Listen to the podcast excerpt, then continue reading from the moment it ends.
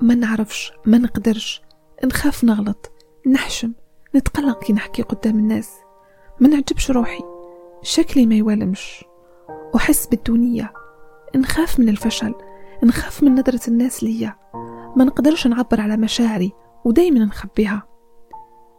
لما نكون في جماعة ما نقدرش ناخد الكلمة. نحس بارتباك شديد وأفقد التركيز. عندي أهداف وعندي مشاريع. لكن لا ما نقدرش نكمل. نخاف نفشل. وش يقولوا عليا الناس؟ أنا نتحسس بزاف وما نقبلش الانتقاد. في مشيتي ولا في جلستي دايما نكون في حالة انحناء. أهلا بكم. هذه كلها أعراض كثير من الناس يحسوها وتظهر في سلوكياتهم وعبر حركات الجسد.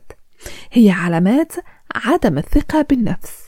وبسببها ممكن نخسروا كل حياتنا نحطموا كل أحلامنا ونحرموا أنفسنا من العيش في سعادة ما هي الأسباب اللي تخلينا نفقد الثقة بأنفسنا؟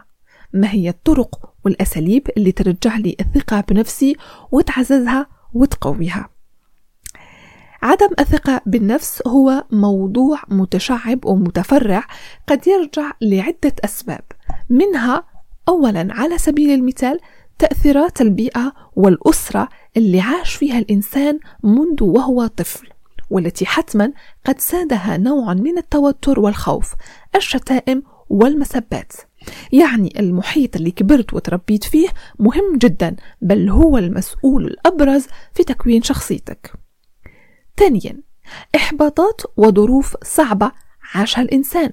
قد تكون تجارب شخصية فاشلة أثرت عليه سلبا وزعزعت ثقته بنفسه. مثال في العلاقات العاطفية أن يتخلى عنك الحبيب أو تكون ضحية خداع قد يكون سبب من الأسباب اللي تخليك تفقد ثقتك بنفسك.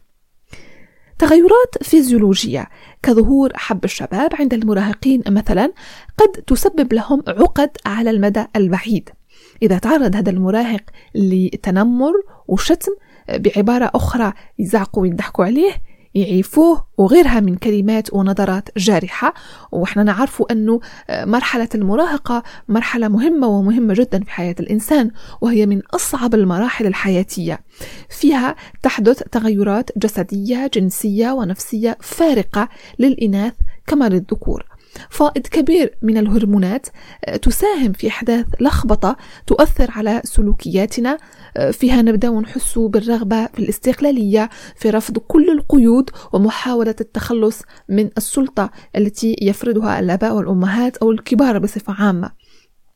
وهنا يا إما يكون في حوار واحتواء للمراهق وإما يكون فيه اصطدام وأولى المخلفات فقدان الثقة بالنفس. ودائما في التغيرات الفيزيولوجية ربما حوادث سببت تشوهات على مستوى الوجه أو في أي جهة من آه، الجسم. هذا قد يدفع بعض الناس وفي بعض الأحيان حتى للانتحار. ولأننا نتبع آه، لتيلي والفنانات والبلوجرز ومؤثرين الموضة والجمال بهوس وشذوذ ولأنني نقارن ونقارن أنفسنا بهم هذا قد يفقد الثقة بالنفس. الأسباب إذا متعددة لكن الحل موجود دائما. ومن أجل اكتساب الثقة بالنفس تعزيزها وتنميتها العديد من, من الأقلام كتبت عن الموضوع والعديد أيضا من الفيديوهات والبرامج تحدثت وتناولت موضوع الثقة بالنفس. بشيء من التلخيص وعن تجربة سجلت لكم أنا إيمان ست خطوات سعيدة أنني أتشارك بها معكم. في كل حلقة سأعرض عليكم خطوة صغيرة ستصنع لكم الفارق إذا طبقتموها. انتظروني الحلقة القادمة وأول خطوة ستعزز ثقتك بنفسك. سلام.